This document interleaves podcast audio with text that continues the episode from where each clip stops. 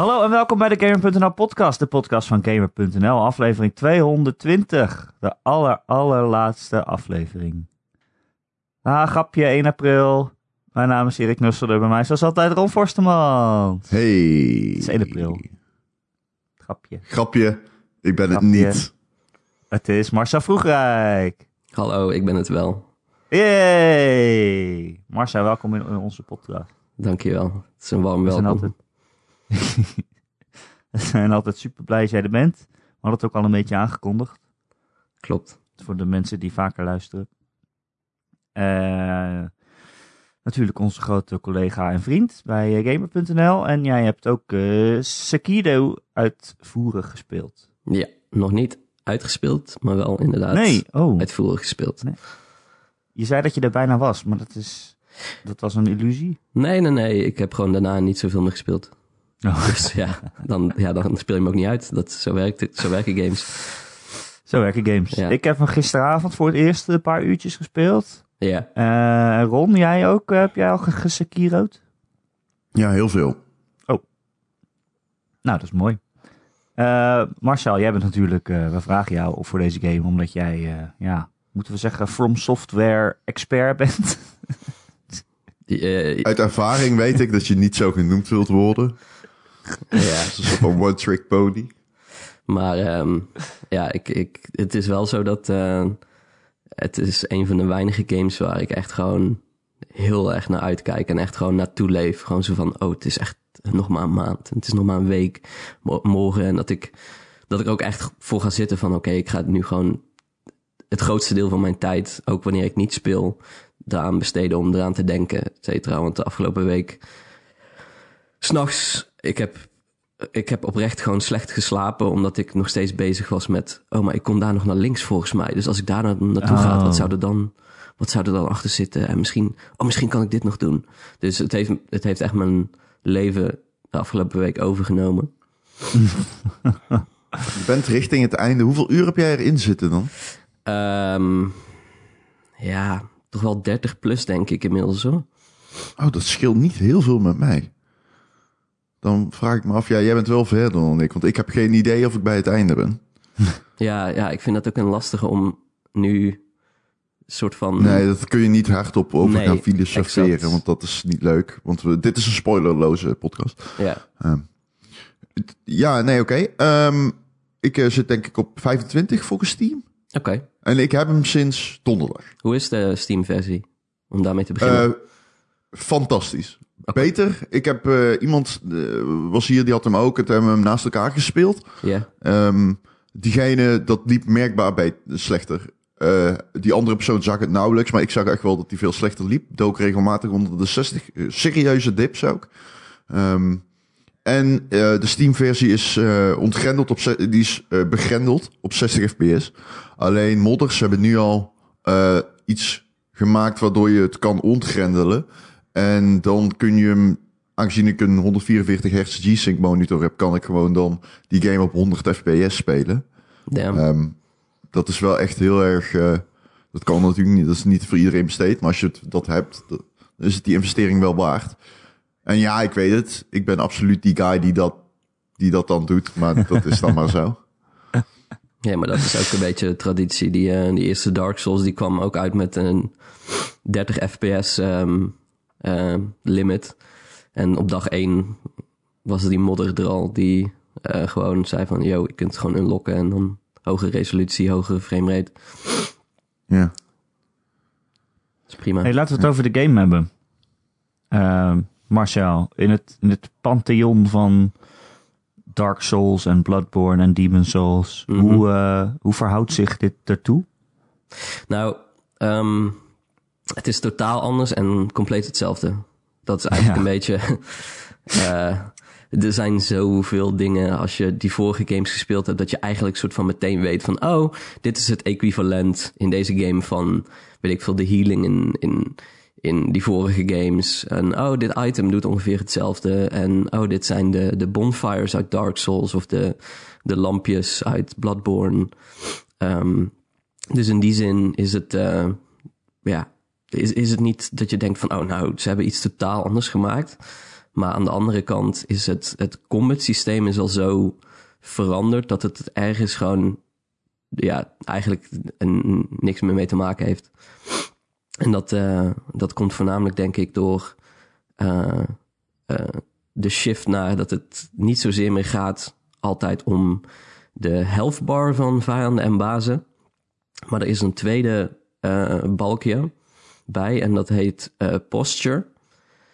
En um, dat is eigenlijk een soort van ja, er zit geen stamina in deze game. Dus je, in principe kun jij gewoon op, op de aanvalsknop R1 blijven rammen. En je blijft met je zwaard slaan.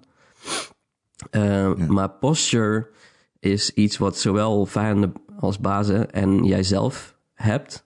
En dat is een metertje wat eigenlijk aangeeft van... Um, als je vaak genoeg slaat op een vijand... dan op een gegeven moment breek je de posture. Dat metertje vult zich. En die vijand wordt dan soort van ja, gestund. En dan kan je ze vaak um, in één keer afmaken. Of bij bazen moet je dat meerdere keren doen. Uh, en zo wordt het eigenlijk een soort van. Um, ja, een, een, een ander soort manier van met gevechten omgaan. Want je, je bent niet bezig met. Oh, ik heb hem nu drie keer geraakt en nu is een health bar, zeg maar, ook 10% lager. Uh, heel vaak is het zo dat je überhaupt die health bar niet naar beneden brengt. Maar je bent gewoon bezig met, oké, hij slaat, ik counter. Daardoor krijgt die enemy posture damage. Um, ik doe een counter hit, dan krijgt hij nog meer posture damage. Totdat de meter gevuld is en dan maak je hem in één keer af. En dat is een heel andere manier van spelen. Want um, in de vorige games was het vaak nog zo dat je... Um, ja, je, je gaat uit de weg. Er komt een, een aanval en je, en je dodgt weg of wat dan ook. En eigenlijk begint het daarmee gewoon... dan heb je weer gewoon precies evenveel kansen na om een vijand te raken. Maar als je dat nu doet, dan gaat die posture meter dus naar beneden. En uh, dat verandert de dynamiek van combat. Want je moet soort van best wel aanvallend zijn. Uh, ja. Je kunt die rust niet meer nemen. Uh, want eigenlijk reset je daarmee je voortgang in een gevecht. En dat, dat vind ja, ik echt een heel interessante uh, manier van, uh, van gevechten. Het maakt het wel Want leuk. We zitten, nu, we zitten nu heel in-depth om wat, wat de combat anders maakt. Maar ik denk sowieso voor mensen die niet weten, om het even handig, handig is om uit te leggen, zeg maar. Um, Sekiro, inderdaad, van de makers van Bloodborne, Dark Souls, From Software. Um, Ninja Game. Wat jij zegt is... Samurai, vind... toch? Nee, nee, nee. Ho, ho. Shinobi. Wat zeg je? Oh ja, dat is een ninja. Inderdaad. Nee, samurai zijn eervol. Shinobi zijn gewoon de vieze mensen die de, de, de klusjes op moeten klagen, uh, klaren in Japan. Juist precies het tegenovergestelde ja, van samurai. Um, dus, de, de, de, dus dat principe van die postures breken vind ik heel erg cool, omdat dat daarbij aansluit, zeg maar. Het idee van op het juiste moment toeslaan en dergelijke, in plaats van dat je gewoon... Uh, en je kan niet wegrennen, inderdaad. Um, alleen wat dan wel handig is om erbij te zeggen, waar het uh, Bloodborne moeilijk was, want iedereen heeft het natuurlijk over de moeilijkheidsgraad, hè. Uh, het, is From Software. Uh, Bloodborne, een Souls game is heel mysterieus, je moet alles zelf uitdokteren.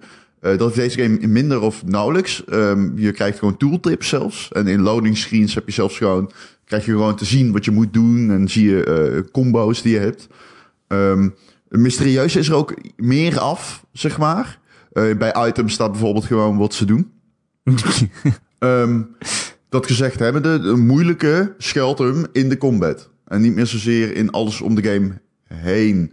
Of, of pacing. Het is echt gewoon de combat waarop dit spel teert. En in die zin vind ik al die vergelijkingen met Bloodborne en Dark Souls. Want wat Marcel zegt klopt natuurlijk. Er zitten momenten in dat je denkt, oh, dit herken ik uit die vorige, vorige games. En er zit bijvoorbeeld ook een moment in, dat kun je een beetje vergelijken met dat van Father Gascoigne, weet je wel. Dat je, als je voorbij gaat, dan weet je een beetje zo van, oké, dan, nu ben ik meer bekend met wat dit spel behelst. Um, dus er zijn wel van die vergelijkingen. Maar ik denk echt dat al die vergelijkingen met Bloodborne ook een beetje oneerlijk zijn. Het is echt de combat waarop, waardoor dit spel moeilijk blijft. En op latere levels wordt. Ja, en, ja. en het, het, mooie daarvan vind ik ook dat je hebt natuurlijk die, die combat die heel belangrijk is. Maar anderzijds heb je ook, omdat je een shinobi bent, heb je ook een heel groot stealth component. Wat er eigenlijk een soort van nou niet haaks, want het werkt met elkaar samen. Maar um, je hebt dus ook de mogelijkheid om gewoon langs heel veel enemies te sneaken en ze in één keer af te maken. En ehm, manieren om daar, zeg maar, ehm, om op die manier eh, langs een gebied te komen. En ehm, het, het werkt allebei. En het werkt ook met elkaar samen. Want enemies die hebben ehm, een soort van ehm, om, omgedraaide driehoekjes. Het lijkt een soort uitroeptekens, een beetje eh, zonder het puntje. Eh, ja, Eh, over hun hoofd. En als ze jou sp- denken te spotten, dan wordt dat, dan wordt dat eh, tekentje langzaam geel. En als het helemaal geel is, dan wordt het rood en dan hebben ze gezien. Maar zo kun je dus eigenlijk... Je kunt bijvoorbeeld wel één vijand die dan ergens eh, op de uitkijk staat... kun je alvast eh stealth killen. En zo ben je eigenlijk een beetje aan het kijken van... oké, er staan hier zeven mensen. Nou ja, als ik hier gewoon inspring... dan is de kans vrij groot dat ik gewoon doodga. Maar als ik er twee, drie, misschien vier pak... dan wordt het al een ander verhaal. En ehm, het fijne is dat het alle twee heel goed werkt. De combat is echt... Ja, dit spel... En ook in die zin is het eigenlijk amper meer te vergelijken met die vorige games. Het speelt zo fantastisch goed. Het is Oh, echt... zo vloeiend. Het is absurd. Het Ehm, is zo, het, heb, had jij ook, eh, heb je ooit Tenshu gespeeld? Nee, nee, dat, dat vind ik wel jammer. Dat ik daar eh, vroeger eh, eigenlijk... Ja, is totaal niet op mijn radar geweest toen. Ja, ik heb continu denk ik maar aan twee dingen als ik deze game speel. En geen daarvan is Dark Souls of Bloodborne. Ja. Het is Ninja Gaiden en Tenshu. Ik denk Ninja Gaiden vanwege de moeilijkheidsgraad. Ja. Tenshu vanwege hoe... hoe, hoe ehm, vanwege de, de, de invloed van stealth. En Tenshu was ook van From Software. En ik ben groot Tenshu-fan. Ik heb die games helemaal kapot gespeeld. Ik had zelfs een poster van Rikomaro vroeger. Dat is echt... Ik, ik ben echt Tenshu-fan. En ehm, er is heel lang geen Tenshu geweest. En de allerlaatste was kut. Maar deze... Dit is de Tenshu-game die ik altijd wilde. Dit is... Dit, oh, I love die stealth erin ook. En dat verraste mij echt van From Software toch, dat ze dit ook blijkbaar nog steeds doen. Want ook hoe, ehm, de mobielheid, hoe mobiel je bent. Je kunt echt gewoon, je hebt de springknop, je kan echt van daar, je kan echt met de grappelhoek, hoef je bij, soms niet eens de grond te raken, omdat je mid-air kan grappelhoeken. Ja. Ja, dat is echt wel een ding, Ja, vind ik. En ook gewoon het springen tegen een muur op en, en dergelijke van een muur af. Dat is gewoon echt naadloos geïntegreerd in de combat. Als in dat zijn ook manieren om achter een vijand te komen, bijvoorbeeld. Ehm, op een vijand springen. Als het een wat grotere vijand is, heb je zelfs verschillende plekken eigenlijk waarop je kunt springen. En dat levert dan weer een ander manier op. Dan kom je weer op een andere plek terecht. En dat, dat ja, het, ik vind het prachtig hoe Ehm, ze de afgelopen jaren in al die games hebben ze eigenlijk een soort van hun spelprincipes uiteengezet. Eh, van we hebben een bepaald mysterie eh, wat rondom eh, de voortgang in de game hangt. Niet alles wordt duidelijk uitgelegd. Het is een beetje een zweem van.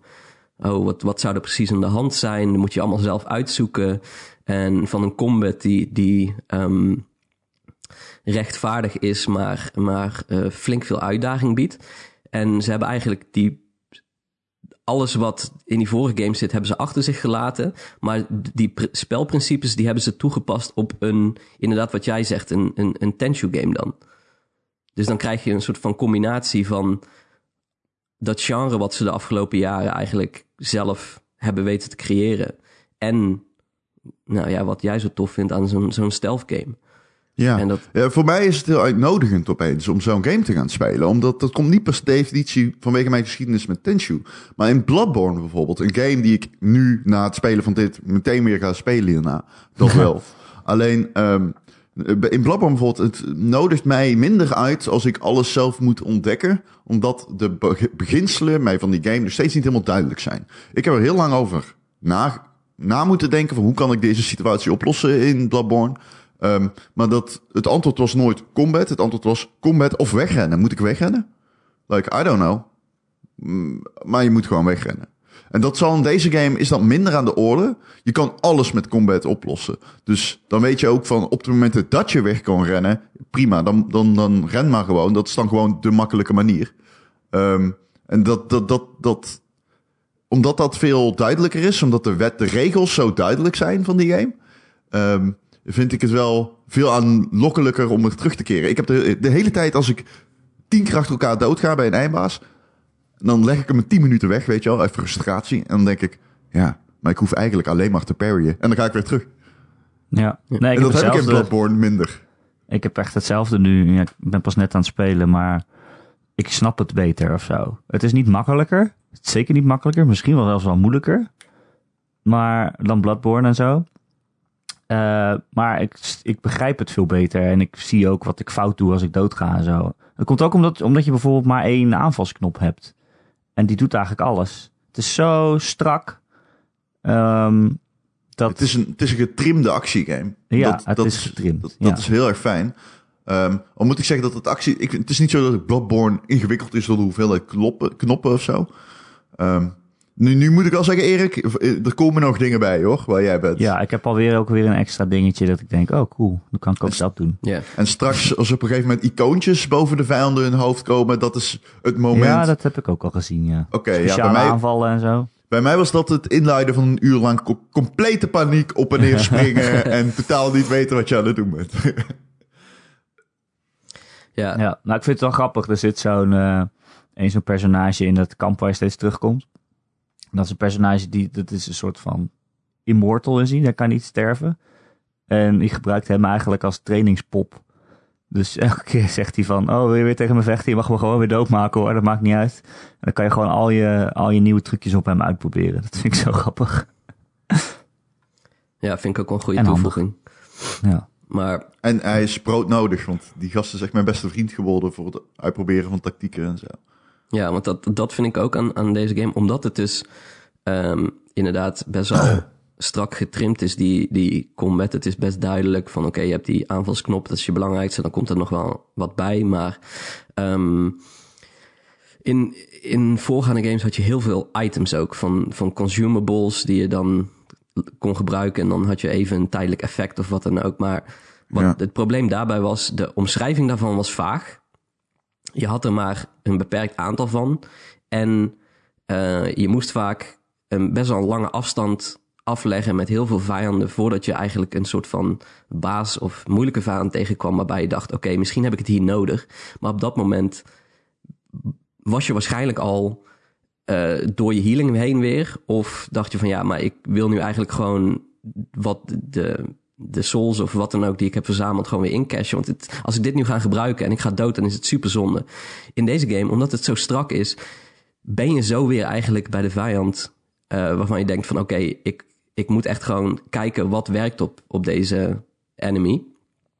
En dat, dat biedt meer ruimte om die, eh, die items te gaan gebruiken. Want je hebt bijvoorbeeld een item dat zorgt ervoor dat je minder eh, damage krijgt. Als een vijand je echt raakt, dan gaat er minder van je health bar af. Dat is weer belangrijk, want als, er, als jij eh, echt damage krijgt op je health bar, dan vult je posture damage eh, bar zich ook veel sneller. Dat betekent dus dat je minder vaak kunt blokken voordat de tegenstander eigenlijk door je heen ramt en je waarschijnlijk doormidden klieft. Ehm, je hebt ook een item dat ervoor zorgt dat je überhaupt minder posture damage krijgt als je blokt. En dat soort dingen kunnen ineens dat je, dat je denkt, ik, ik sta, sla me echt stuk op deze vijand. En dan denk je, maar wacht eens even. Ik ben er zo, ik heb dat item, ik ga het gewoon eens proberen. En dan zie je ineens van, hey, ik heb zelf bedacht van, wat is het nou dat deze vijand anders maakt of moeilijker maakt dan die vorige? Daar heb ik iets voor, dat ga ik gebruiken. En dan zie je ineens van, hey, het gaat al een stuk beter. En, en dat vind ik ook wel mooi, want dat zorgt ervoor dat je inderdaad uh, meer tactieken toe gaat passen en daardoor ook meer leert dan, oh shit, moeilijk, ik ren weg. En oh, dat kan niet. En dan bijt ik me een stuk op met dezelfde tactiek die ik de hele tijd probeer. En, Ja. en dat, is, dat maakt deze game wel echt, echt een, een stuk diverser ook, denk ik. Ja, en, en, en niet te vergeten ook, ehm, er zit een, eh, een skill tree in. En d- dat maakt ook wel echt een verschilletje, ben, heb ik gemerkt. Er, er staat één skill, zie ik staan. Dat betekent dat iedere keer als jij iemand killt, dan krijg je een stukje helft terug. Ja, Die, ik die? essentieel zou ik die willen noemen. ja, dat is echt, eh, ja, ik, ik loer echt zo de hele tijd aan naar en dan denk ik, oeh, die heb ik echt heel erg nodig. Ja. Hij is ook redelijk duur, maar ja. ja, die kan ik iedereen Nee, aanraden. Maar het is, ik weet niet man, in die game, het zitten echt een paar, er, hebben al een paar, er zijn een paar momenten geweest eh, die ik echt eh, zou willen nomineren voor Game van het Jaar moment. Het, het is Ja, een moment van het jaar bedoel ik. Het is, ehm, ja jeetje, eh, bijvoorbeeld als je opeens eh, in een nieuw gebied komt en je kleert toch gewoon tot twee torentjes. Dat je tot twee savepunten komt in één run. Dat is zo heerlijk. Of als je zo'n eh, mini-bos tegenkomt en ehm, je, je kilt hem meteen. Ik heb dat één keer gehad dat ik gewoon meteen... Ik, ik heb, in het begin heb je een oger, die zit vastgeketend. Ehm, dat is zeg maar de eerste mini-bos, zou ik hem willen noemen. Ehm, ik ben daar Oh ongeveer... Hè? Ben Oh daar jee, nee, nee, volgens mij niet. Oh ja, die, die is net na waar jij bent. Oké. Je hebt denk ik die ene samurai verslagen met zijn speer. Ja. Ja, nou ja, die staat om de hoek dan, die oger. Oh. Ehm, oh nee, die heb ik wel gehad dan, ja, denk ik. Ja. Ik zag een heel, groot, eh, heel grote vent rondlopen. eh, Maar volgens mij ging ik daar net dood gisteren. Dat zal het hem wel zijn. nee. Hij heeft een hele grote hamer. nee, ik denk dat jij... eh, jij bedoelt die hele grote die rondloopt. Die dikke. Oh, oké, die dikzak. niet. Ja, die dikzak. Ja, nee, dat, eh, dat is hem niet. Nee, die oger Oh, staat shit. dan, moet je ietsjes te doorlopen onder twee poortjes door. En dan kom je bij die oger. En die oger, ik ging daar 70... Nou, ik wil niet overdrijven. Ik ging daar denk ik 60 of 70 keer dood. Echt, Oh god. oprecht. en ik ging de hele tijd dood. En ik had echt zo dat, dat Father G moment, Father Gascoigne moment waarbij ik dacht, fuck, dit, ah, what the fuck is deze game? En dat was echt zo do or die. En eh, op een gegeven moment toen lukte het, zat ik er helemaal fucking in. Ik loop naar de volgende area, weer een minibos en ik versla hem in één keer. En ehm, ik eh, op WhatsApp in de vriendengroep, zeg maar, iedereen speelt Sekiro. En ehm Sekiro. Wij zeggen Ehm, gewoon Sekiro. Wij zeggen gewoon Sekiro. En de, iedereen die reageert zo van, ja, ik zit er al een half uur vast. Ik heb hem al honderd keer proberen te verslaan. Ik had hem gewoon in één keer. Dat voelt zo goed. En dat is wel echt dat, die, die fucking, ik ben helemaal in tune. Ik ben helemaal zen met de, met de controls en de combat moment. Wat wel deze game zo extreem, ik weet niet, verhe- verheft af en toe. Boven al, al, al dat wat je, waar je gewoon doorheen rent zonder dat je überhaupt eh, nog weet wat de laatste bos is die je hebt verslagen. Dat zul je hier niet aan hebben. Ja, dat, Ik dat, vind het sowieso... Oh, sorry. Ja, Ik vind het sowieso heel knap aan deze game. Dat op het, op, op het ene moment voel ik me echt alsof ik er super goed in ben. En dan spring ik van het dak bovenop iemand. En dan eh, ram ik degene die ernaast staat kapot en zo. En dan denk ik, wow, ik ben echt een baas. En dan loop ik de hoek om en dan eh, staat daar een of andere samurai. En dan ben ik in één keer dood. En dan denk ik, oh shit. Misschien was het toch niet zo goed. Ah, als je de afwisseling tussen eh, goed en slecht zijn vermakelijk vindt, dan weet ik nog een andere game voor jou. Ken je Baba Is You? Jezus Oh. Christus, maar dat terzijde. Het is een puzzelgame, toch? Ja, ja. Maar, Maar ja, nee. ik was dus ook al benieuwd naar... ehm, ehm, toen, ik, toen ik die game begon te spelen, dacht ik eigenlijk van... Oké, ik ben echt benieuwd waar dit heen gaat. Als in ook, ook welke gebieden waar ik nog naartoe ga. En, en hoe divers zijn die en, en zo. En dat, dat is me heel erg meegevallen. Als in, ik ben positief verrast door... Waar, ja, waar je allemaal nog komt en hoe dat aan Oh, ja? elkaar is geschakeld en zo. Want kijk, het was natuurlijk een beetje het idee van... Oké, gaan ze... Er werd gezegd, het verhaal is wat meer eh, lineair in die zin. Het wordt wat meer uitgelegd, et cetera. En toen dacht ik van, oké, betekent dat dan ook dat je eigenlijk gewoon van A naar B, naar C, naar D, et cetera gaat? Ehm, maar op een gegeven moment was er een punt dat ik dacht, oké, ik, ik kan hier naar boven, ik kan naar links, ik kan links en dan rechts naar beneden. Eh, ik had vijf mogelijkheden en al die vijf paden, die kwamen weer in nieuwe gebieden. En in die nieuwe gebieden kwam ik ook weer in nieuwe gebieden. En toen dacht ik echt van, wat is dit? Als in, het is bijna te veel. Eh, en ja, toen was ik wel heel erg blij. Toen dacht ik, oké, dit, dit gedeelte wat ik ook zo leuk vind, gewoon het exploren en denken van, waar ben ik nu weer terecht gekomen? Dat, dat zit er heel duidelijk in. Oh shit, daar kan ik zo slecht tegen, hè? Ja, Ja, Nou, ik was op een gegeven moment... Ik heb Ja, dan zo'n moment, als je dan vijf paden hebt, en dan denk je, nou fuck it, ik kies er één. En dan kom je daar en dan is daar weer een heel nieuw gebied. Dan denk ik, oh shit, ik moet terug, want een van die andere paden zou wel een hele korte zijn met een schatkistje eraan of zo. Nou, het begin is heel lineair. ja. Dus dat, het, je- het wordt ingeleid. Dat zei ik gisteren ook, van het wordt ingeleid. Dus je hoeft je geen zorgen te maken. Het komt meer natuurlijk. Ik moet wel zeggen, er was een punt, en dan zit jij niet ver vanaf, dan hangt er ergens een briefje met... Als je hier doorheen gaat, dan kom je de headless tegen en onze zwaarden deden niets. En ik zat echt zo van... Oké, nou, dan ga ik hier maar niet heen. Niet die kant op. niet die kant op. Ja. Dat soort storytelling kan ik ook nog eh, wel waarderen. Over storytelling gesproken trouwens. Ehm, Ja, er zit een verhaal in. nou, en er zit een mechanisme in. Dat vond ik wel cool. Ik had dat helemaal niet verwacht. En dat vind ik wel echt zo'n zo'n zo'n tof dingetje. Eh, er, zit een soort, er zit iets in, eh, Dragon Rod. En ik, ik zal verder voor de lore en spoilers niet alles toelichten daarover. Maar iedere keer als je resurrect, heeft dat consequenties voor het verhaal. Ehm, en dat, die consequenties kun je wel weer terugdraaien. Ehm, maar ik vond het eh, heel erg cool dat verhaal en gameplay zo intertwined zijn. Dat die in elkaar verweven zijn. Dat zie je toch ook niet zo heel vaak in games. Dat eh, vond ik wel heel tof. Dus eh resurrecten tot je een ons weegt is misschien geen goed idee voor het verhaal. Ja en, dan- Ja. en anderzijds levert het wel ook gewoon weer nieuw verhaal op. Omdat Ja, ehm, je krijgt Ja, ex- nieuwe je dialoog krijgt extra en zo. dialoog en zo. En dat, eh, dat geeft ja. ook kleur. Nou ja, kleur. Het is allemaal vrij bleak. Eh, maar het geeft Het wel kleur. duister, ja. Het is echt een duistere game. In het begin ligt er een, eh, eh, een zoon echt op een steenworp op afstand van zijn moeder dood te gaan. En hij zegt, ja, zorg voor mijn moeder, want ik kan er niet meer bij. Oké. Oké, gezellig weer. Wat, wat vinden jullie van het verhaal? Jullie zijn een stuk verder dan ik. Is het inderdaad... Zit er meer een verhaal in wat je kunt volgen, zeg maar? Zonder het te spoilen? Ehm, ja, ja ik, ik vind het verhaal... Kijk, ik, ik ben niet ehm, heel invested in de zin van dat het, ik denk van... Oh, ik ben echt eh, emotioneel heel erg betrokken. Maar ik vind het thematisch...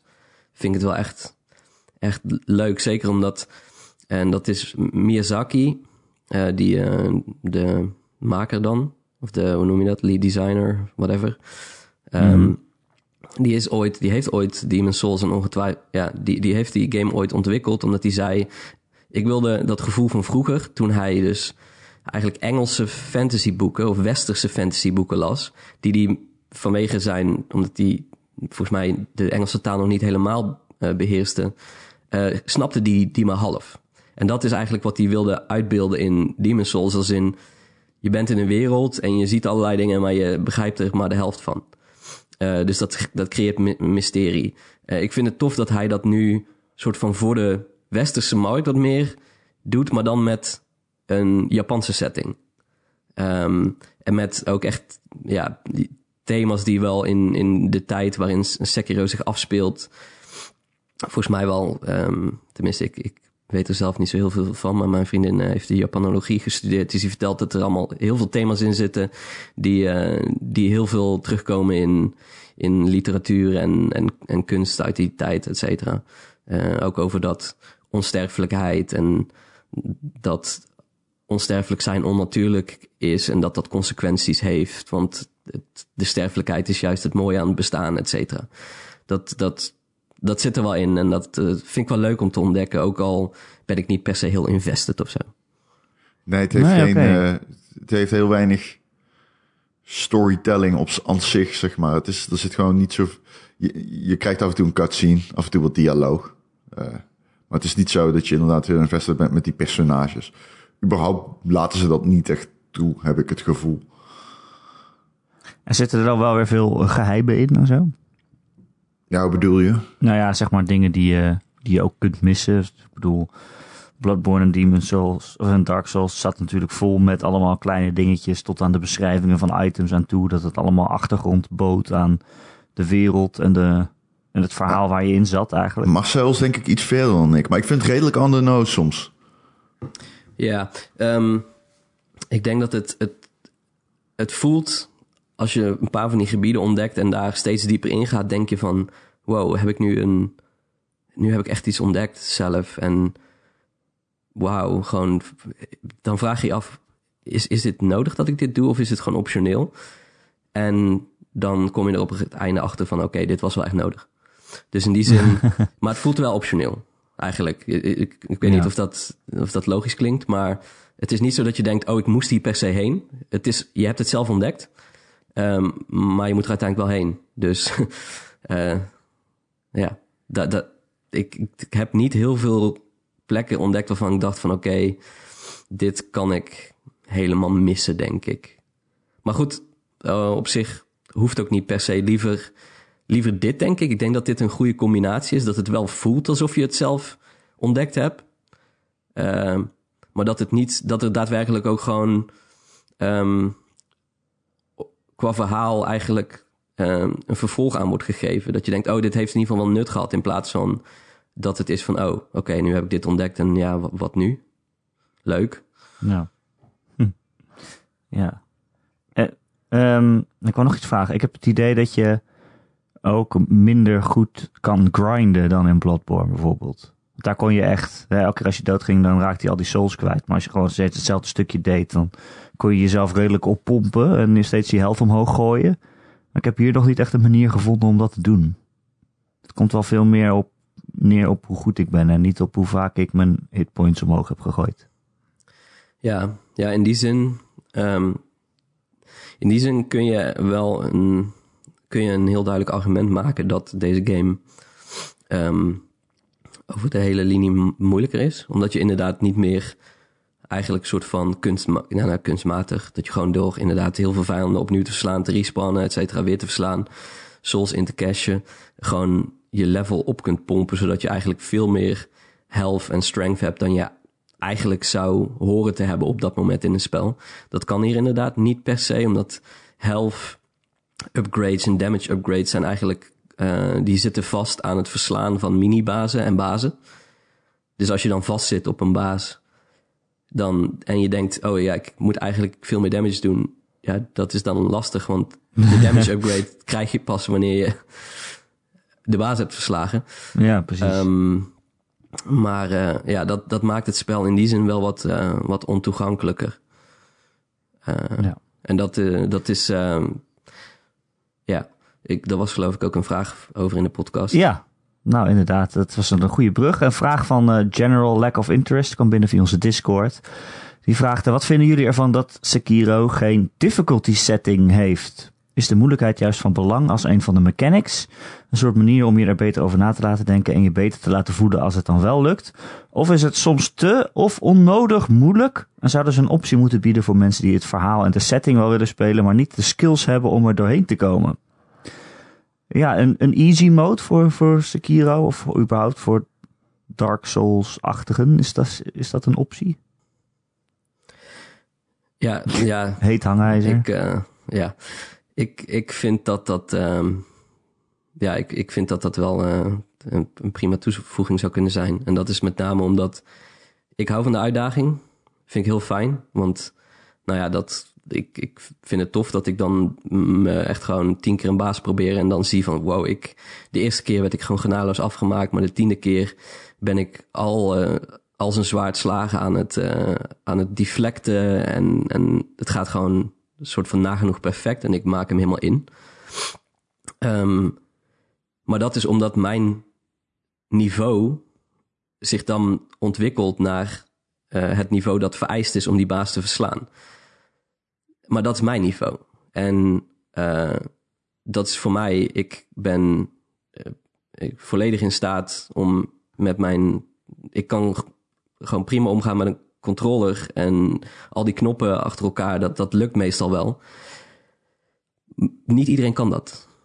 Ehm, als je daar tegenaan loopt, op om wat voor manier dan ook, omdat je bijvoorbeeld een, een fysieke beperking hebt waardoor je niet eh, die vingervlugheid hebt, Ehm, ja, dan houdt het gewoon op in deze game. En als je dan een easy mode hebt waarin je minder, eh, waarvan er minder van je gevraagd wordt, dan levert dat voor mensen die ehm, dat huidige niveau niet aankunnen, alsnog die uitdaging op. Want zij zitten dan met dezelfde eh, leercurve, alleen dan is die leercurve eigenlijk in zijn geheel wat naar beneden gehaald.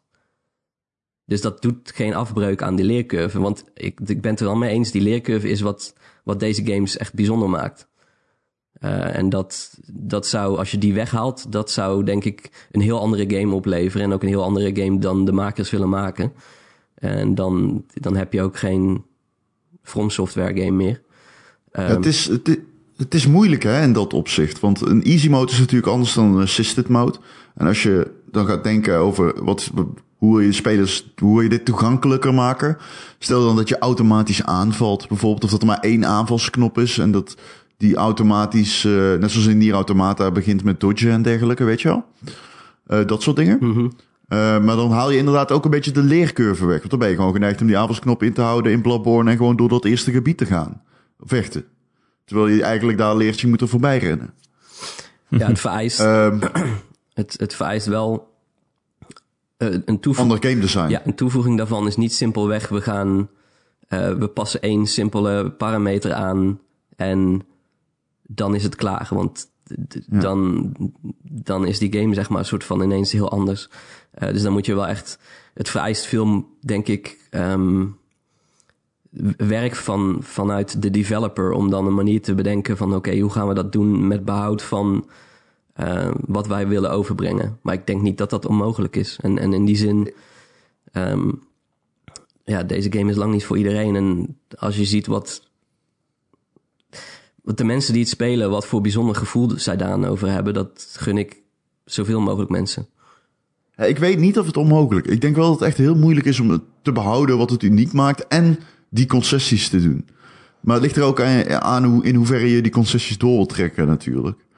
Dus het gaat er natuurlijk vooral om hoe, hoe, hoe groot is de knieval en wat offer je daarvoor op. Want je zult die opoffering ergens moeten maken. Want een game die Ja. teert op, eh, op, op zijn... Op zijn, dat, dat zijn doorzettingsvermogen eist en je confronteert met hoe moeilijk het is. En op basis van die confrontatie leer je de mechanics. Ja, als je die confrontatie weghaalt, of ja, heel, helemaal is dan overtrokken, maar als je daar een gedeelte van weghaalt, dan, dan, dan denk ik wel dat je moet die, die spiegel heb je wel nodig om iemand voor te houden. Ja, Ehm, Ja, het is, ja, het is lastig, hè? Want het, Het is genre lastig, is, ja, het is echt genre lastig. is, eh, is een moeilijke game eigenlijk. Dat is het genre. ja, en- nee, ja, het is ook wat te, te, het is ook wat te kort door de Ja. bocht ergens. Nee, ja, dat is te kort op de bocht. Maar ik denk, ik, ik denk dan meteen naar bijvoorbeeld aan een bullet hell shooter. hè, Zo'n shooter waarin je precies tussen alle kogels precies één pad is. Waar, dat je er precies tussendoor kan zonder dood te gaan. Dat ik denk, ja, je, je kan een easy mode maken met minder kogels. Voor mensen die niet Nee, zo flink vlug zijn. Maar dat heeft dan ook weer niet zoveel Nou zin. ja, wat Bloodborne in ieder geval heeft, is dat het ook moeilijk is buiten zijn gameplay om. Je moet ook eh, items leren ontcijferen en snappen wat de lore is en zo. Ehm, en dat blijft in principe behouden. Ja, maar ik denk eigenlijk voor mij een, een easy mode, dat is echt het verkeerde woord. Ik denk meer aan, aan Celeste. ja. Ja, Celeste is een heel erg moeilijke game. Ehm, maar je gunt ook iedereen om dat te spelen. Om, ook omdat het zo'n mooi verhaal heeft. En die heeft gewoon ja, assistent dingen, hulpmiddelen die je aan of uit kan zetten. Je kan de, de snelheid volgens mij verlagen. Je kunt jezelf een dubbel jump geven. Ja, dan maak je het wel ineens heel erg super makkelijk. ja maar, precies. Nou ja, maar goed. dat zet je zelf aan. En het is niet dat je denkt, oh, het, is een, het is een easy mode. Kijk, ik wat heb me wel er zo niet aan is. gestoord dat het er was. En ik, ik heb het gewoon zonder assist modes gespeeld. Toen was het super moeilijk en ik heb mijn hoofd erop gebroken. Maar het was echt super vet om het uit te spelen. Maar voor mensen die dat dan niet lukt, omdat het echt zo'n vingervlugge platformer is, die kunnen dan één ding uitkiezen waar ze moeite mee hebben en dat iets makkelijker maken. Wat, in ieder geval wel zo is, vind ik, het feit dat er geen easy mode in Seki- Sekiro zit, vind ik wel ergens fijn. Omdat ik weet dat ik dan niet de kans heb of ooit de behoefte kan hebben om die moeilijkheidsgraad omlaag te schuiven. Dus dat vind ik wel ergens fijn. Ja, Oké. kijk, weet je, weet je wat? Ja, vind je dat raar? Dat is niet raar. Dat vind ik wel een beetje raar. Oh, dat vind ik helemaal niet raar. Zeg maar, ik heb het hier laatst met mijn vrienden over gehad. Die zeiden precies hetzelfde. Oké. Maar Want ja, als omdat jij je het juist speelt om de maar- uitdaging, snap ik niet dat je het voor jezelf weg zou halen. Nou, omdat die optie er is. En als jij nou honderd keer eh, op een eindbaas do- doodgaat en je ziet easy staan, is het aanlokkelijk om daarheen heen te switchen. Maar het is er niet, dus je kan jezelf niet verleiden. Maar ook het werkt conformerend, omdat je weet dat dit gewoon de curve is. Ja, Dat maar waarschijnlijk zouden ze dan niet doen dat je halverwege de game het even op easy Ja, dat zeg jij nu, maar dat weet je toch niet? Dat ligt er toch aan hoe je die easy mode integreert. We hebben het hier over een, een, een, een, iets wat niet bestaat. Een hypothetische easy mode. En dan zeg jij, ja, maar dat is niet hoe gaan, het hem zou zelf, we doen. gaan hem nu ontwerpen. Ja, nee, maar dat weet je. Ja, ik bedoel, we hebben het hier, het is een hypothese. Maar daarom, Ehm, daarom vind ik, eh, in, in dat opzicht is Sekiro ook ehm, een, een wat lastiger geval. Omdat eh Dark Souls en Bloodborne kon je mensen summonen. En dat was een manier Oh ja. van, hey, ik ga op deze specifieke basis. En dat kan, dat, basis zijn anders in die games. Sommige, waar de een moeite mee heeft, heeft de ander iets van, eh, ja, dit, dit, is, dit is precies wat, wat ik kan. Ehm, en dan had je nog een manier van: oké, ik, ik haal iemand anders in mijn game. En dan kan ik het samen oplossen. Dat heeft deze game natuurlijk niet. En dat, Nee. het is echt een, een singleplayer ervaring, waardoor het dus nog duidelijker wordt van. En ook omdat het puur combat-based is en je niet meer kunt grinden eigenlijk om jezelf eh, beter of sterker te maken dan je eigenlijk zou horen te zijn, bijvoorbeeld in, in, op dat moment. Dat, dat alles stelt samen op dat, het, eh, dat die, dat die eh, leercurve, zeg maar, ehm, alles bepalend is. Je kunt, er niet, je kunt hem niet omzeilen. En eh, Nee. Nou, het is Dat natuurlijk ook wel zo, die hele Souls-like games hebben natuurlijk ook wel talloze andere games geïnspireerd om niet bang te zijn van pittig. We hebben na eh, Soul, de Souls games en zeker Bloodborne natuurlijk heel veel games gezien. Het werd opeens minder, min- met meer games die minder concessies deden. Ehm, ik vraag me af of dat ook gebeurt als op het moment dat deze game vanaf de get-go heel toegankelijk waren geweest. Maar nogmaals, als ze vanaf de get-go heel toegankelijk geweest waren, had het genre waarschijnlijk niet bestaan. Dus dat is een heel moeilijk ding. Ja. Om het zo maar ik ben het wel met Marcel eens dat... Kijk, ik ben veel slechter in dit soort games dan Marcel. Dus voor mij is de leercurve om hem uit te spelen hoger.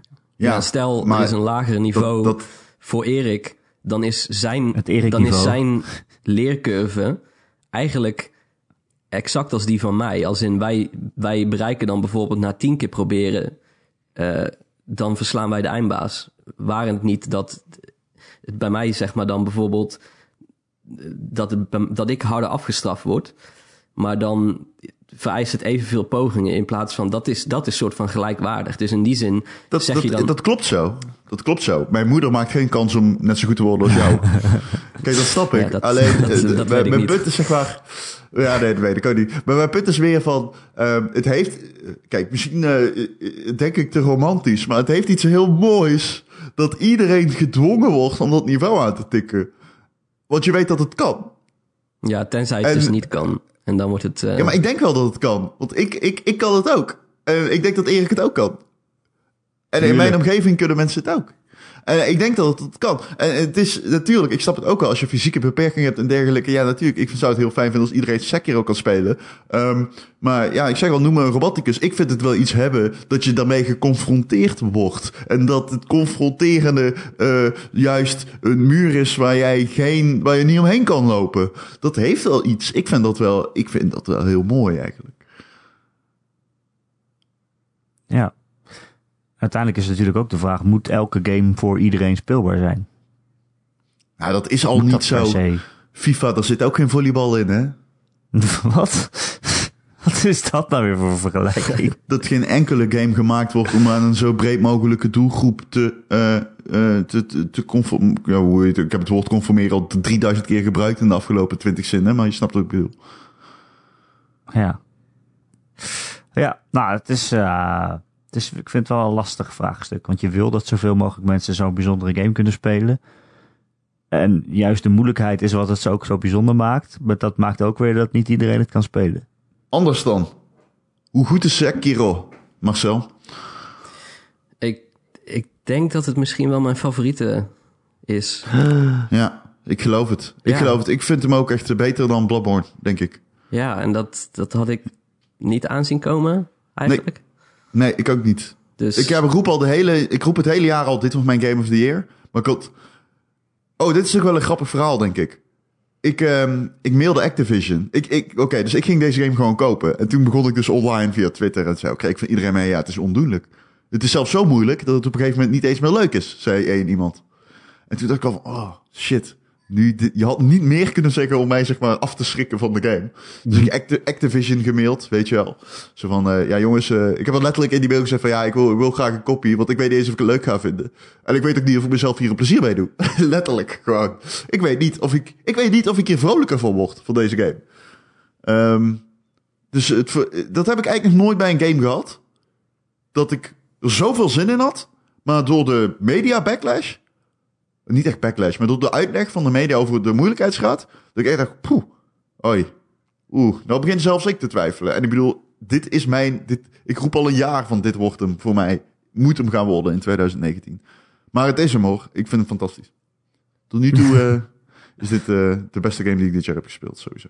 Maar het heeft ook allemaal heel hoge cijfers gekregen. Het is, niet, het is niet echt een backlash dat het zo moeilijk Nee, is ik dat het ook niet meer leuk ik is. bedoel toch? backlash. Dat ik, ik zei al, nee, niet backlash. Als in zijnde van, heel veel mensen zeggen dat hij heel moeilijk is. Ja. ja, ik zit ook met knikkende knieën ben ik begonnen gisteren. Dat ik dacht, oh, iedereen zegt dat hij zo moeilijk is. Ja. Maar ja, Ja, het nam wel hele rare vormen aan. Ik bedoel, Ja. letterlijk Waypoint had een artikel van, er zit een punt in. En als je niet voorbij dat punt komt, dan leg je die game weg en raak je hem nooit meer aan. Oké. oh jezus. Oh, hey. Ah, ik ben voorbij dat punt en het is wel te doen. Uh-oh. dat durf ik weer niet meer. Ik ga wel één ding zeggen. Die kotsende guy. Waar ben je? Hè, drunkard? Met je fucking... Jij bent echt een klootzak. Dat ga ik je wel vertellen. Motherfucker. Jezus Oké. Christus. Er zitten trouwens ook een paar momenten in die game die echt grootschalig zijn. Massaal. En eh, had ik ook niet verwacht. Als ik zeg slang, Marcel. Ja, dan, ja, dan zeg ik ja. Ja, dat was echt tof. Dat was echt een tof moment. Dat eh, mag van mij ook weer in het, een van de momenten van het jaar. eh, mag die eh, weer op gaan duiken. Want jezus man, dat is zo cool. Ja, Verwacht je niet echt. eh. Oké, nou ik ga moedig eh, doorspelen. En eh, wie weet hoe ver ik kom. Zullen we het over andere dingen hebben? ja we zitten al... eh, oh, we, hebben, we, zitten al, we zitten al drie kwartier. Jezus. Het is gewoon een Sekiro-cast. So- sorry. ja, maakt niet uit. Daar hebben we hiervoor uitgenodigd. Nee, nee. Heerlijk. Ik kan er nog een uur lang over doorpraten, kijk. Ehm, er waren deze week geruchten dat er twee nieuwe Switches komen. Ron Ja. eh, en Marcel. Namelijk, eh, dat het zou gaan om één Switch, zeg maar, voor de hardcore gamer. Wat het dan precies betekent, weet ik niet. Maar waarschijnlijk een, een betere Switch. Een sterkere hardware. En zeg maar eentje die meer in de 2DS-lijn zou zitten. Hè? Meer toegankelijk, meer goedkoper. Misschien zou dat dan wel gewoon een handheld Switch zijn. Die je dus niet uit elkaar kan halen of in een dock kan stoppen. Dit nieuws kwam gewoon een eerst... stuk eh, goedkoper is. dit nieuws kwam eerst van de Wall Street Journal. Eh, ik heb het geprobeerd op te zoeken, maar het staat achter een paywall. En eh, Eurogamer heeft er inmiddels meer details naar boven over gehaald. Maar wat me heel erg frustreert in dit nieuws is dat beide partijen weinig details hebben. Ik bedoel, Ja. wat houdt nou precies die hardcore gaming versie in dan? Eh, beter Ja. scherm, meer batterijduur? eh, wa- wa- ja. Het zijn geruchten, hè? Dus Ja. we weten eigenlijk nog niet zoveel. Maar het zou al best vrij snel deze zomer al in de winkel liggen, geloof ik. Z- Zijn jullie in, eh, in de markt? Eh, ja, ik, ik, ik weet eigenlijk niet. Ik, je hebt natuurlijk ook de nieuwe generatie consoles die dan volgens de geruchten dan weer 2020 wordt uitgebracht. En dan Ja. krijg je weer het probleem wat met de Wii U ook een beetje was. Eh, en met de Wii eigenlijk, al heeft de Wii natuurlijk schandalig goed verkocht. Ehm, maar dat Nintendo zit dan tussen die generaties en ehm, dan heb je het risico dat er weer heel, heel veel games net niet daarop kunnen draaien, bijvoorbeeld, en dat ze dan daarop niet uitgebracht worden. Nou is dat bij de Switch minder relevant, want de Switch is gewoon een indie-kanon. Ja. Eh, Tja, Dus, dus echt hè? ja, er komen zoveel goede indie games op uit dat je die, ehm, die grote games die je dan op de Xbox One, PC of PS4 hebt, niet mist. En sowieso is er heel veel overlap tussen die consoles. Dat mensen dus vaak een Switch en nog een PC, PS4 dan wel Xbox One hebben. Ehm, dus ik hoop dat ze daarmee eigenlijk soort van niet ehm, zichzelf in de voet schieten. Dat ze eigenlijk de komende jaren nog gewoon goed mee kunnen. En, en in dat opzicht, ehm, ja, ik denk dat ik hem dan zelf nou, ik niet per se hoef te kopen. Maar eh, ja, ja ik, ik weet het niet, man. Ik bedoel, Nintendo doet dit op zich. Nintendo heeft het al heel lang gedaan met de, met de Game Boy Advance, met Ja. DS, met de 3DS. Nieuw 3DS. Ja. zij, zij zijn degene die dit nou ja, uitgevonden hebben, wil ik niet zeggen. Maar eh, nu heb je natuurlijk de Xbox One X en de PS4 Pro. Maar Nintendo doet dit al, uh, doet dit al heel lang.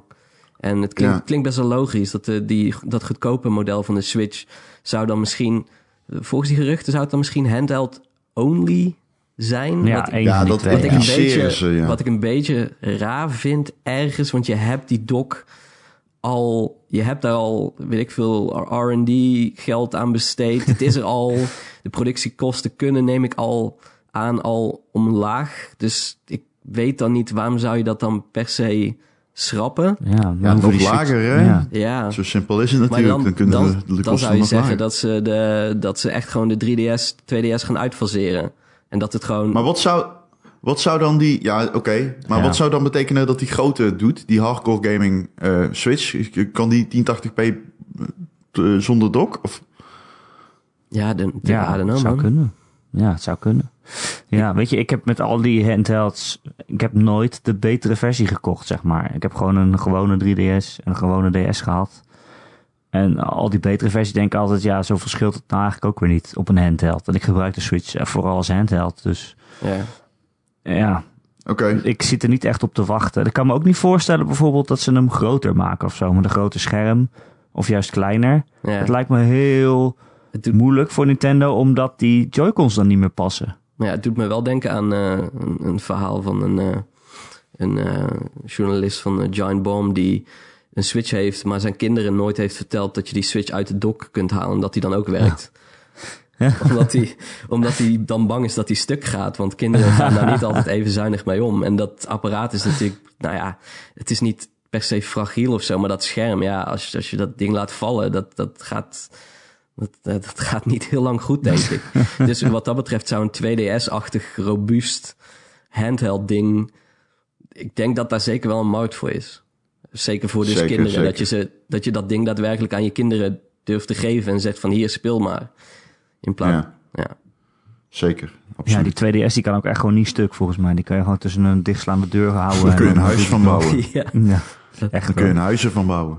Maar wat, wat denk jij dan, Ron? Ga jij een nieuwe Switch kopen? Nee, ik heb nieuwe echt... nieuwe? Nee.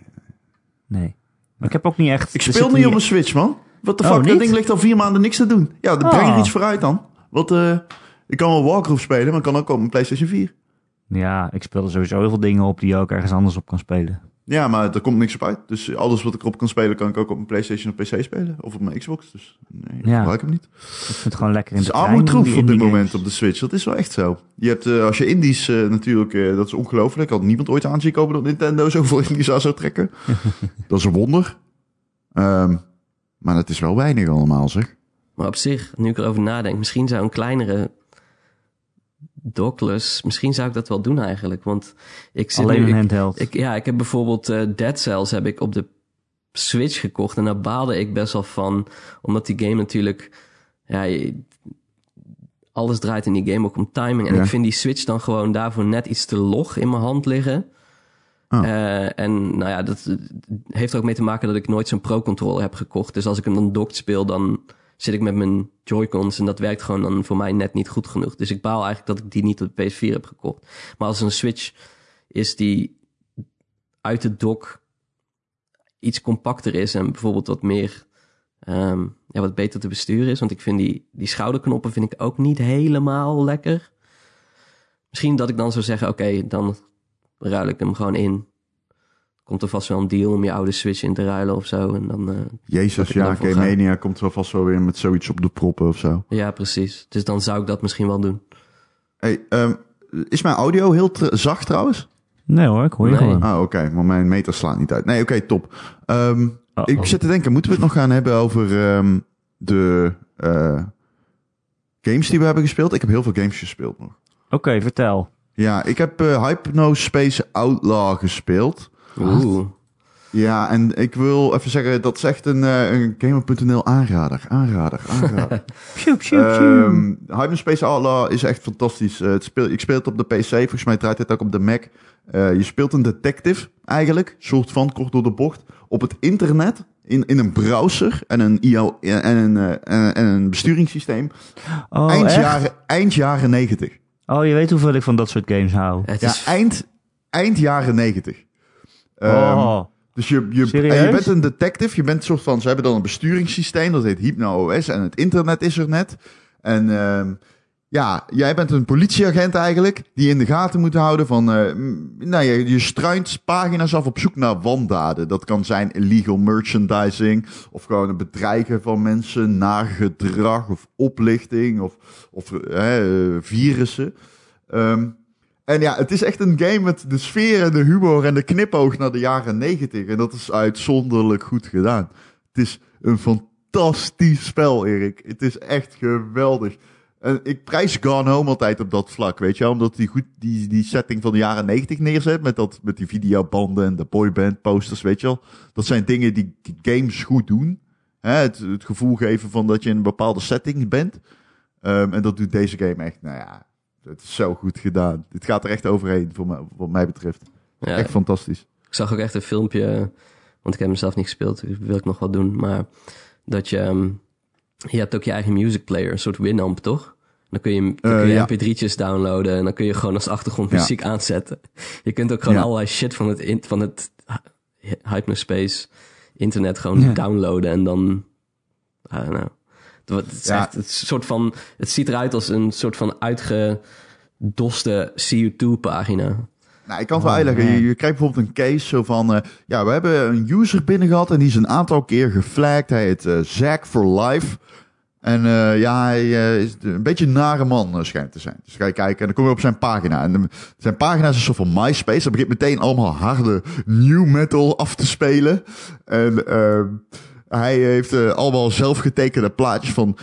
I'm cool online and I'm cool offline. What you gonna do? Zeg maar zo gast. Weet je, eind jaren 90. Het is sp- is van die spiky haren en hij tekent zijn eigen comics. En dan kom je erachter dat hij in één comic bijvoorbeeld ook een andere user eh, belachelijk maakt. Op, ja, op een manier zoals een 15-jarige die heel edgy wil zijn, dat dan doet. Ehm, ja, en dat, dat, dat, dan kun je dat, eh, dan kun je hem bannen en eh, rapporteren. En dan heb je één case gesolved. En dan ga je naar de volgende case. Maar bijvoorbeeld voor een andere case moest ik zo'n helper downloaden, kwam ik achter. En dat is zo'n kleine opa. Hij heet Professor Helper. En dat is zeg maar net als dat kleine helpertje uit, uit, Word. Die, die, die, die Paperclip? Clippy? Clippy, Clippy, ja. Dan komt hij zo omhoog en zegt hij... Hey, kan ik je ergens mee helpen? dat is super dom. Ja, het is een fantastische game. En het is ook Ah. redelijk pittig nog voor een eh, detective game. Dus het is, eh, ja... Nee, eh, absoluut aanrader. Hypnospace Outlaw, 20 euro op Steam. En ja, het, het valt extreem in de smaak. Ik denk dat iedereen die hem gaat spelen zich er erg mee vermaakt. Moet je ook nog uit, uit de jaren negentig komen om dat leuk te vinden? Of Nee, nee, nee. Maar het heeft, dat doet het wel extreem goed. Zeg maar, die, die hele Windows 98 vibe en zo. eh, ja, fantastisch. Oké. Heb je nog meer games? Ik heb, eh, nou, ik zal er nog eentje noemen, want ik moet het even kort houden. Eh, volgende week gaan we het vast hebben over Baba Is You. Ehm, Shelter heb ik nog even gespeeld. Dat is een hele oude game. Daarin speel je een das. En ehm, dan ga je op zoek naar je kind. Je, je, je begeleidt je kinderen. Eh, dat heb ik eh, gespeeld. En dat vond ik ook wel heel erg leuk, moet ik zeggen. Ik had hem opeens in mijn Steam library staan, nog nooit gespeeld. En het is echt zo'n soort van fucking, ja... Ik weet niet, het is een hele rare game om uit te moeten leggen. Maar je speelt een das, je bent verantwoordelijk voor een dassenfamilie. En gisteren werd een van mijn daskinderen opgegeten door een ooievaar. Ah, dat is niet leuk. Nee, Wat is eh, de benaming voor een, eh, een verzameling dassen? Je hebt een roedel honden. Wat is Eh. bij dassen? Een burcht. Een burgdassen? Ja. Burgt. ja, vind ik goed hoor. En we gaan voor Burgt. Bij deze, mocht je luisteraar denken, nee, nee, nee, het is Roedel. Nee, nee, nee, het is Burgt. Burgtas. Ehm, Praat Dus verder, de- ik ga het even googlen. ja, ja, ja, Burgdassen en een van mijn, bur- een van mijn burgers werd opgegeten. Ehm, en dat was ja, heel confronterend. Eh, verder is de game met sneak mechanics. En eh, op zich wel aardig als je hem voor een eh, zacht prijsje op de kop kan tikken. Hij is heel oud. Volgens mij is die, komt hij uit 2012. Een eh, kolonie dassen is het. Niet. Nou, dat is veel Echt? te vet. Dat is veel. Dat is Command Conquer shit. Ja, een- het, het is ook een kolonie zeehonden en zeerobben. Echt? Eh, jachthonden is een meute. Een meute? Nee joh. Eh, Volgens mij wist ik dat, ja. Klopt. ja, Heerlijk. Een troep ganzen. Ja. Een vlucht, een vlucht bijen. Ja. Oké, nou, Vl- vlucht. vlucht ook altijd voorbij je. alsjeblieft. Dit was mijn bijdrage. Marcel, ben jij nog iets anders aan het spelen behalve Sekiro? Of is het alleen dat? Het is echt alleen dat. Ja, Mag ik hoor. heb, ik Je heb al drie kwartier eh, gepraat. Het is zo goed zo. ja, ik, dat- ik heb geen, eh, geen ruimte en ook echt geen idee wat ik hierna ga spelen, joh. Nee, wat moet je dan nog? Waarschijnlijk. Eh, de- Waarschijnlijk ga ik hem Maar- nog een keer spelen. ja, kan. Kan. Zeker. Ik, ik zat er ook al aan te denken van, wel, wat ga ik hierna doen? Ja. Ga ik terug naar de Division? Oh, die heb ik trouwens ook nog uitgespeeld, de Division. Oh, dat is een goede looty slooty, toch? Dit is een aardige looty slooty van Ubisoft, ja. Moet wel zeggen, oh, de laatste helft is niet zo goed. Ik zag dat Oh. hij op Gamer een 9 had gekregen. Ik zou hem denk ik een 7 geven. Een 7. Ja, Oh, dat is best laag. nou, dat valt wel mee. Ik keek gisteren met de Oké. Critic, stond hij gemiddeld een 8. Nou, dan is jouw cijfer en Gamer.nl cijfer gemiddeld goed. Ja, ik eh, had hem op NuTech zelf 4 sterren gegeven in de logica. Ja, het, is wel een toegankelijke game. Maar ik denk dat voor de meeste mensen die Destiny hebben gespeeld... dit eh, aan richting de endgame een beetje teleurstellend wordt. Maar goed, dat Ah, ja. is het enige. Oké. Ik heb verder niks gespeeld. Ik ben alleen getrouwd. Oh ja, daar moeten we het ook nog over hebben. Daar hebben we het helemaal niet over gehad. Hoeft niet, hoor. Daar hebben we het helemaal niet over gehad. Ik ben er niet bij geweest natuurlijk. Je mag wel aan de luisteraars uitleggen waar jij in godesnaam was rond ja, in het ziekenhuis. Ik heb spit Ja, gehad. dag. Ja, dag. Het What ziekenhuis. the, what the fuck? Ja, ik heb, ben door mijn rug gegaan bij het deadlift. Oh, jezus. Ja, Bij het ja dat, was, dat was geen pretje, kan ik je vertellen. Dat was echt geen pretje. Ik heb, dat nog nooit spit? gehad. En ehm, ik, eh, ik liep ook nog zo heel stoer weg van ja, wha- whatever the fuck, weet je wel. Komt weer goed. En toen ging ik thuis op bed liggen en toen kon ik gewoon helemaal niks meer. En ik heb de eerste drie dagen bijna niks gedaan. Ik heb, eh, ik heb niet eens veel gegamed. Ik heb donderdag pas Sekiro opgestart. Nou, dan ben je echt ziek. Ik Nou ja, vind, ziek. mooi dat dit de graadmeter is. ik heb donderdag pas de kier opgestart. Oh, dan is het wel heel erg. Nou, voor mij wel. hoor. Dat is wel een graadmetertje, ja. Hoe heb jij in twee dagen 25 uur gespeeld dan? Ja, dat zeg ik. Heel veel. dat zeg ik. Dat is mijn punt. Juist. Maar hoe lang duurt spit? Is dat nu over? Of is het gewoon... nee, eh, het voelt nog wel, maar ik ga vandaag wel gewoon sporten. Oh, eh, jezus, echt? Ja, Erik, je weet hoe ik ben. Ik dacht ook, ik zei daar dus van, ik zeg, eh, ik moet dadelijk nog weg. Ze zegt tegen mij, ja, maar jij mag niet meer auto rijden. Ik zei, ja, zo niet.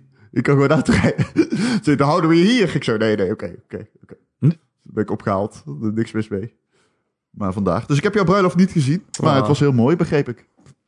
Het was heel mooi. Ik kan niet anders zeggen. Nou, gefeliciteerd, nogmaals. Dankjewel, dankjewel. Blij dat het mooi Ehm, was. Het was, eh, ja, weet je, het was een heel weekend in een kasteel. Het was echt een sprookjesbruiloft. Dus het was echt super Ik, ik heb ook een heel weekend in een kasteel eh, gezeten bij Sekiro, dus ik eh, herkenbaar dit. Relatable. ik had een Sekiro bruiloft. Ja. Ehm zullen we maar afronden dan? Ik weet Eh, het anders ook niet meer. ik weet het ook niet, man. Het was echt een uur al. Echt serieus? Jesus Ja. Christ. Ik ga gewoon weer lekker Sekiro spelen. Oké. Nou, dan ronden we af. ik niet te vaak dood ga. Dat is wat ik ga doen. Oké. Ehm, hey, volgende week is er gewoon weer een nieuwe Gamer.nl podcast. Ondanks dat ik aan het begin zei. Dat was een grapje, dat was 1 april. Maar volgende week zijn we er gewoon weer. En dan kun je ons downloaden via gamer.nl of via je favoriete podcast app. Daar kun je je gewoon op abonneren. Of eh, nou ja, je doet gewoon, eh, eh, hoe heet het, Spotify of zo. Nou, wa- wat je maar wil. Als je ergens een recensie achter kunt laten, bijvoorbeeld op iTunes. Aantal sterretjes, en misschien een tekstje erbij over hoe goed we wel niet zijn. Dan zouden we dat zeer waarderen. Wil je meer Ron en Erik podcasts? Ik kan me niet voorstellen, maar misschien heb je nog niet genoeg gehad. Dan eh, kun je ons steunen via Patreon. Dan ga je naar patreon.com slash Ron en Erik. En vandaag is het 1 april, eh, dus de eerste Oh ja. van de maand. Dus is er ook weer een nieuwe Ron en Erik podcast. En er zijn eh, nieuwe dingen aan te kondigen. Oh ja, dat is waar. Oh, dat ga ik zo meteen al posten. Dus- Ja, dus dat gaan we nu alvast even zeggen. Vanaf eh, de 1 dollar tier die verdwijnt, want die was verwarrend. Maar er komt wel een 2 dollar tier. En eh, we gaan een nieuw format introduceren. En het heet de Boekloze Boekenclub. En eh, wat we Met gaan doen is Erik met, zonder games, zonder games. Nee, met games. Oh, met games. Met Zonder games, boeken. zonder boeken. Juist, zo was het. En wat we doen is, Erik en ik gaan eh, zeer elitair en doordrongen van alle feiten en onze menselijkheid games bespreken.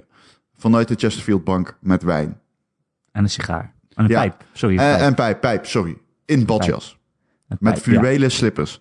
En dit doen we dus blijkbaar om de, om de maand. En, maar dus dan heb je om de twee weken content. Want voor 5 euro dollar kom je bij de Ron en Erik podcast. Plus alle andere podcasts die eh, de Ron en Erik podcast extra zijn. Dat zijn alle podcasts over losse games bijvoorbeeld. Of tijdens de E3 dadelijk, dat soort dingen. Ehm, dus ja, voor 2 dollar kun kun je kennis maken met de nieuwe eh, boekloze boekenclub. En voor 5 dollar krijg je dan gewoon alles. Moeten jullie niet nog eh, expliciet noemen waar deze extra podcast van 1 april over gaat? Dan denken mensen, oh, maar dat wil ik.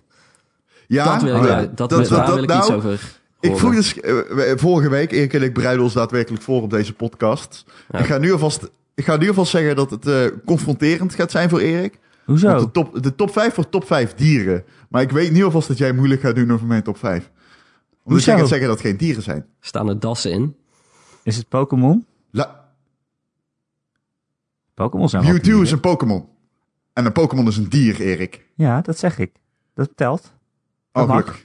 Oh, nou, dan gaat, valt het misschien nog mee. Ik bedoel, oh nee, ik ben boos. Eh, ruzie. En eh, het loopt uit de hand. Lu Oh, luister, luister- je in de luister Ron en. Erik podcast. Een breuk tussen Ron en Erik dreigt. Komt het Wil ooit je nog meer weten? Wil je meer weten? Voor Is dit de 5 laatste aflevering? Ja, dat zei je aan het begin van deze tijden. aflevering dus. Ja, het is toch waar. Eh, heb je een vraag? eh, oh. Ze niet. Oh. Heb je een vraag voor, voor deze podcast? Dan kun je mij mailen erik.gamer.nl, erik met een k.gamer.nl.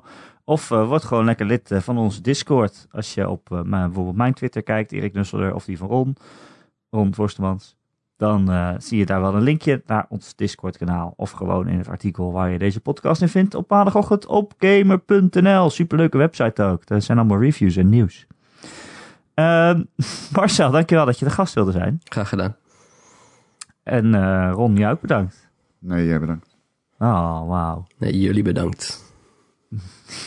Iedereen bedankt. Ah, lekker dit. Dit is zo classic. Eh, en eh, tot volgende week. Tot volgende week.